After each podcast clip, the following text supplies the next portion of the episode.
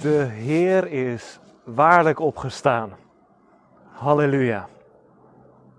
Ja, waar afgelopen vrijdag het licht werd gedoofd, mogen wij vandaag vieren dat het duister Jezus niet heeft kunnen vasthouden. Naast mij zien jullie de nieuwe paaskaars. Ja, in het komende jaar zal het licht van de levende schijnen bij mooie gelegenheden, doopdiensten, trouwdiensten. Maar ook als het donker is door een crisis. Of als we misschien wel afscheid moeten nemen van iemand die ons lief is. Vandaag vieren wij Pasen. En niet in de kerk. Dat is Balen. In, in Rotterdam zouden wij vandaag onze eerste doopdienst hebben. En in Nieuwebrug is Pasen ook altijd zo'n feest. Maar toch vieren wij. Digitaal verbonden met elkaar. Omdat wij geloven dat het licht zal gaan overwinnen. Laten wij nog even volhouden. Vanmorgen staan wij stil bij Thomas. Een buitenbeetje onder de leerlingen van Jezus. Maar vandaag gaat hij ook Pasen vieren. Straks daar meer over. Maar laten wij eerst met elkaar gaan luisteren naar een lied, speciaal voor de kinderen. Het lied Weet je dat de lente komt. En we zien het om ons heen gebeuren. De winter is voorbij. Het wordt steeds warmer. Ik sta nu ook zonder jas. En uh, de bloemen gaan bloeien. Er komen bloesems aan de bomen. Je ziet het hier gebeuren.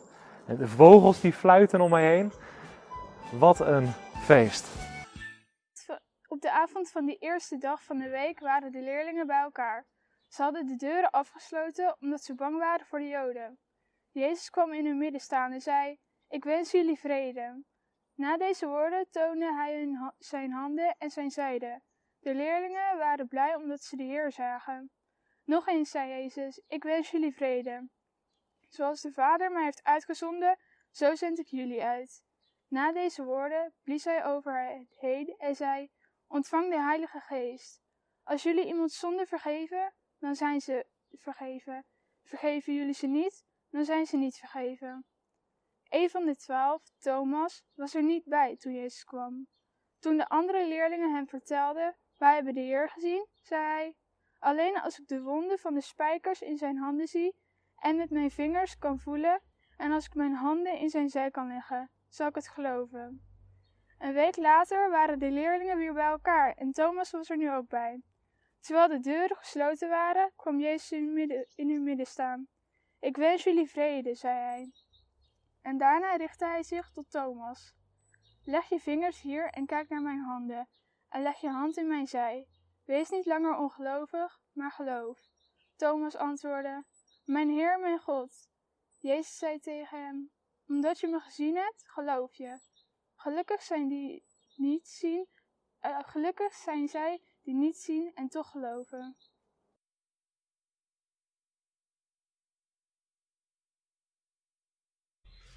Lieve zus en broer in de Heer Jezus.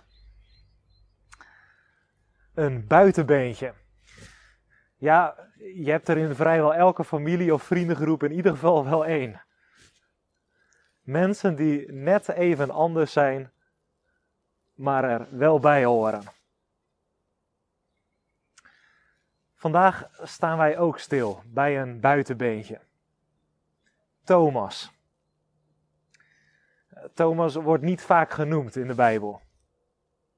Voor het gedeelte van vandaag zelfs maar twee keer en dan ook nog eens heel kort. De eerste keer dat Thomas genoemd is, is, wordt, is wanneer Lazarus ziek is. Lazarus woont in Betanië, een dorpje naast Jeruzalem. En op een gegeven moment wil Jezus er naartoe gaan. Ja, en dat terwijl Jeruzalem echt een gevaarlijke plek voor hem was. Maar de leerlingen die vinden het prima om naar Lazarus te gaan en ze volgen Jezus.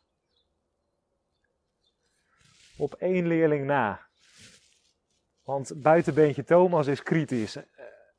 En hij zegt cynisch en zwaarmoedig. Nou, ja, laten we dan maar met hem meegaan, jongens. Dan kunnen we met hem sterven. De tweede keer dat Thomas wordt genoemd is als Jezus dingen aan het uitleggen is over de hemel. Jezus zegt dan: Jullie kennen de weg waar ik heen ga. Maar Thomas onderbreekt Jezus dan in zijn verhaal. Ja, allemaal leuk en aardig, maar wij weten niet eens waar u naartoe gaat, Heer. Hoe zouden wij dan kunnen weten de weg waar wij heen moeten?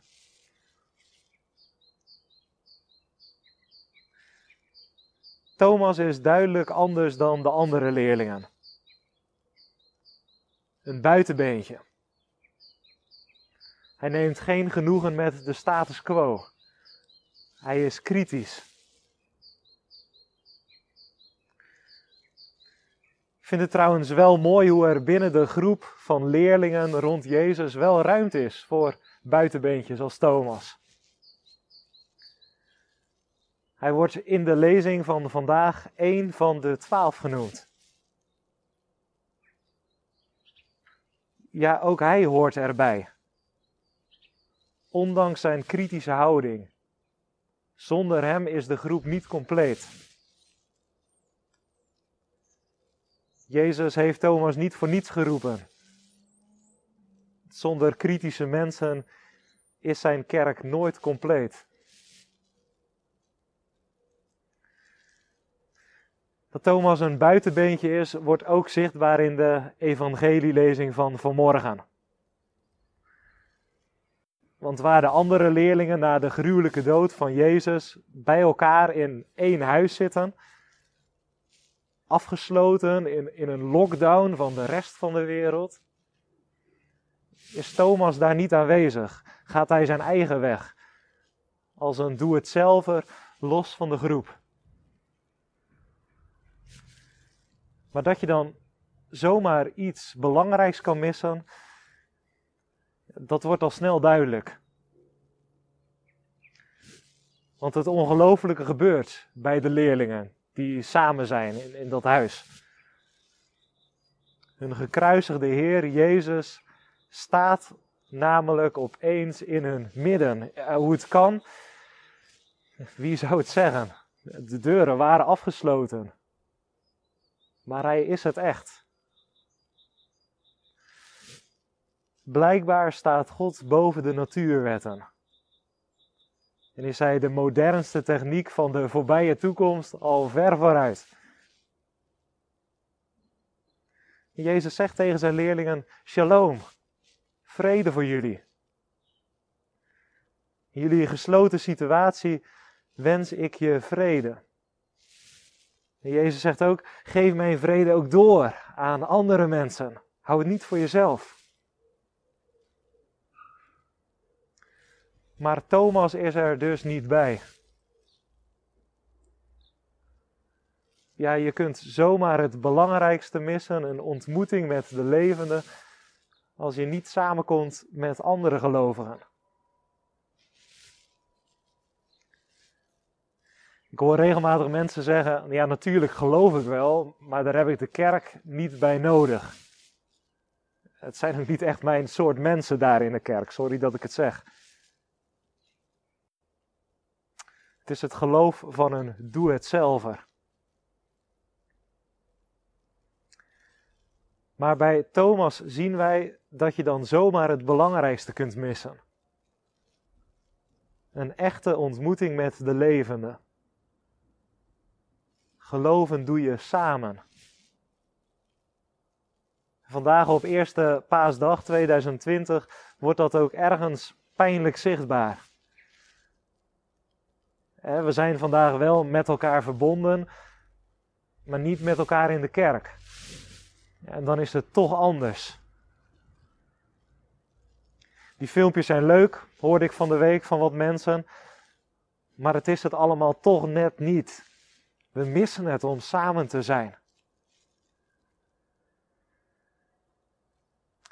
Na de blijde paaservaring in het huis van de leerlingen waren de leerlingen op weg gegaan om de paasvreugde te delen. Ja, en zo waren de blijde leerlingen uiteraard ook naar Thomas gegaan, het buitenbeentje van de groep. Maar Thomas zou Thomas niet zijn om opnieuw kritisch te reageren. Want ja, er zijn zoveel theorieën, er zijn zoveel geluiden in de wereld. Ja, en wat is dan waar? Ja, en mensen in rouw kunnen rare levensechte dromen hebben. Thomas is op zoek naar echtheid, naar waarheid tussen al die verwarring en geluiden in. En dat zit in ons allemaal, toch? Of je nu een zoeker bent of juist een rotsvaste gelovige. iedereen zoekt naar waarheid. Iets waar je aan vast kunt houden in verwarrende tijden. Thomas geeft een bijzonder antwoord aan zijn vrienden. Zegt alleen als ik de wonden van de spijkers in zijn handen zie en met mijn vingers kan voelen, en als ik mijn hand in zijn zij kan leggen, dan zal ik geloven. Ik moest denken aan een soortgelijk verhaal over Sint Maarten. Een eenvoudige, diepgelovige monnik die leefde in de vierde eeuw.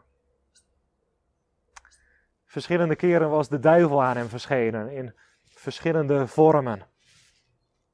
Om, hem te verleiden zijn geloof in Jezus op te geven. Het lukte de duivel echter niet. Het geloof van Sint Maarten ging diep.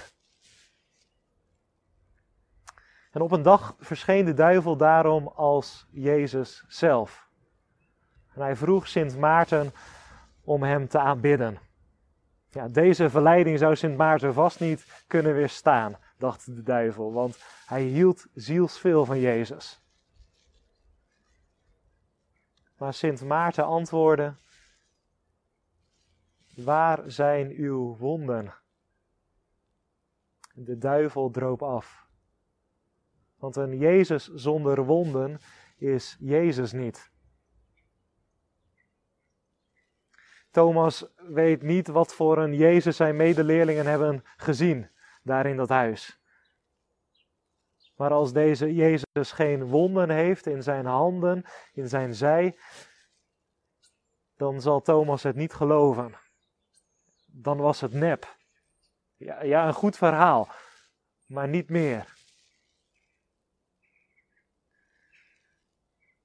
dan gaat er een week voorbij, zonder dat er ook maar iets gebeurt. Maar ondertussen is Thomas wel aangehaakt bij de groep. Blijkbaar had het getuigenis van zijn vrienden hem een zetje in de rug gegeven. Om niet alleen te zoeken, niet alleen te geloven als een doe-het-zelver, maar samen als groep. En als de leerlingen opnieuw achter gesloten deuren zitten, verschijnt de levende Jezus opnieuw. En hij richt zich nu alleen tot Thomas. En heel liefdevol zegt hij: Thomas, leg je vingers hier in mijn handen. En je leg je hand in mijn zij. Raak mijn wonden aan. Wees niet langer ongelovig, maar geloof. Maar de kritische Thomas heeft niet meer bewijs nodig. En zijn reactie is: Mijn Heer, mijn God. Ja, wonden. Wonden blijven altijd wonden. Dat zien wij hier ook bij Jezus. Ze zijn niet weg na de opstanding. Heb je daar al wel eens over nagedacht? Misschien komt er van Lieverlee een korst over de wonden heen dicht het. Er zit er op een gegeven moment alleen nog maar een litteken. Toch blijft het altijd zichtbaar dat er toen iets is gebeurd. Misschien herken je er wel iets van. Van wonden die jou zijn aangedaan of wonden die je jezelf hebt aangedaan. De wonden van een ziekte waarna je zichtbaar veranderde. De wond van het verlies van een dierbare aan het leven of aan de dood. Soms denk je bij jezelf: is er leven mogelijk met deze wonden? Jezus laat hier zien dat Hij de levende is, met wonden. Jezus laat zien dat er met Hem leven mogelijk is, ook met wonden. Raak mijn wonden maar aan, kijk maar, zie het maar. Ik leef en jij mag leven met mij. Als je dat tenminste wilt, als je je hart aan mij durft te geven. Wees niet langer ongelovig. Wees niet langer een doe-het-zelver, maar geloof. De wonden zijn er, maar zullen nooit meer het laatste woord hebben. Ja, en dit is de Jezus waar Thomas inderdaad zijn hart aan durft te geven. De kritische, cynische, het buitenbeentje Thomas beleidt als eerste in het evangelie van Johannes dat in Jezus de God van Israël schuilt. Mijn Heer en mijn God. Niet zomaar een God, een hoogverheven God van filosofen of een God die alleen maar toornig straft. Nee, het is een God met wonden. Een God die ons vertelt dat er door de aanwezigheid van de levende Jezus leven mogelijk is, ondanks wonden. En daarin schuilt voor Thomas de waarheid van het leven. Ja, het heeft even geduurd. Maar nu is het ook voor Thomas Pasen geworden. Ja, Thomas heeft het echt gezien. En wij mogen het voor ons zien. Wij zijn gelukkig als we het niet echt zien, maar het toch geloven. Tot slot zou ik jullie vandaag graag twee dingen willen meegeven vanuit dit paasevangelie met Thomas. Allereerst, geloven doe je samen. Buiten beetje Thomas mist een ontmoeting met de levende doordat hij niet bij de rest van de leerlingen was. Hoe is dat bij jou? Geloof je het liefst als een doe-het-zelver? Of kom je straks na de crisis de gemeente juist kleuren en verrijken door je aanwezigheid? En wat nog belangrijker is, daardoor juist ook de levende ontmoet rond het licht van de kaars. En als tweede wil ik jullie vanmorgen meegeven: raak de wonden aan. Zie de wonden van Jezus. Het kan geen Pasen zijn zonder de zichtbare wonden, de littekens van Jezus. Waar ben jij op dit moment gewond? Waar zitten bij jou de littekens? Raak de wonden van de levende Jezus aan. Zie en weet dat er met Hem altijd herstel en leven mogelijk is. Amen. Laten wij bidden. U zij de glorie, opgestaan Heer. Dank u wel dat wij ons vanmorgen online verbonden mochten verblijden over uw opstanding. Midden in een lockdown verscheen u aan uw leerlingen. En midden in onze lockdown verscheen u ook aan ons, als de levende. Dank u wel dat u zich ook liet zien aan buitenbeentje Thomas. Kritisch en cynisch als hij was. U liet hem uw wonden zien. Ze waren niet weg, maar u liet wel zien dat er met u leven mogelijk is. Met wonden. En God, zo brengen ook wij op Paaszondag 2020 onze wonden bij u de wonden die door anderen zijn veroorzaakt, De wonden die wij onszelf hebben aangedaan, de wonden van verlies en ziekte. God, er zijn zoveel wonden. En Heer, we brengen onze wonden bij U en we vragen U, wek in ons uw leven. Herstel ons, vernieuw ons, geef vrede. Leer ons om samen met U met onze wonden te leven. Wij bidden vandaag ook voor Nieuwebrug en Rotterdam. Er is zoveel gebrokenheid, zeker nu. Breng leven in ons dorp, in de wijk, in de ziekenhuizen. En laat ons ook brengers van uw licht, leven en vrede zijn. Wij bidden u voor hen die eenzaamheid ervaren. Omarm. Wij bidden voor hen die hun pasgeboren kind of kleinkind niet in de armen mogen nemen vanwege de coronacrisis, vanwege het virus. Geef kracht en geduld. Wij bidden ook voor gezinnen. Het zijn uitdagingen om samen familie te zijn. Uw aanwezigheid geeft vrede aan het huis. Dat zagen wij in de lezing van vandaag. En die vrede bidden wij ook voor alle gezinnen. En zeker voor de gezinnen waar huiselijk geweld aan de orde van de dag is. God, wij bidden ook dat wij snel weer samen mogen komen. In de oude kerk van Sjaloos en in de Brugkerk. Ja, wij leren veel in deze periode. Maar we missen toch ook het samen zijn. Wilt u ons spoedig weer bij elkaar brengen? In een moment van stilte delen wij onze vreugde en zorgen met u. Wilt u naar ons luisteren als wij in stilte bidden?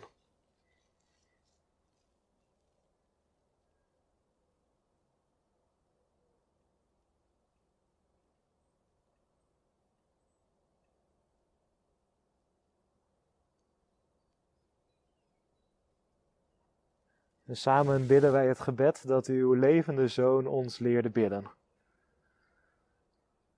Onze Vader, die in de hemelen zijt. Uw naam worden geheiligd.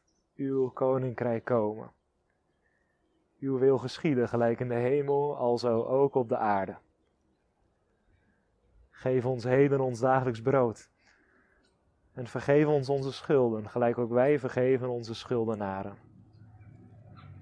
Leid ons niet in verzoeking, maar verlos ons van de boze. Want van u is het koninkrijk en de kracht en de heerlijkheid tot in eeuwigheid. Amen.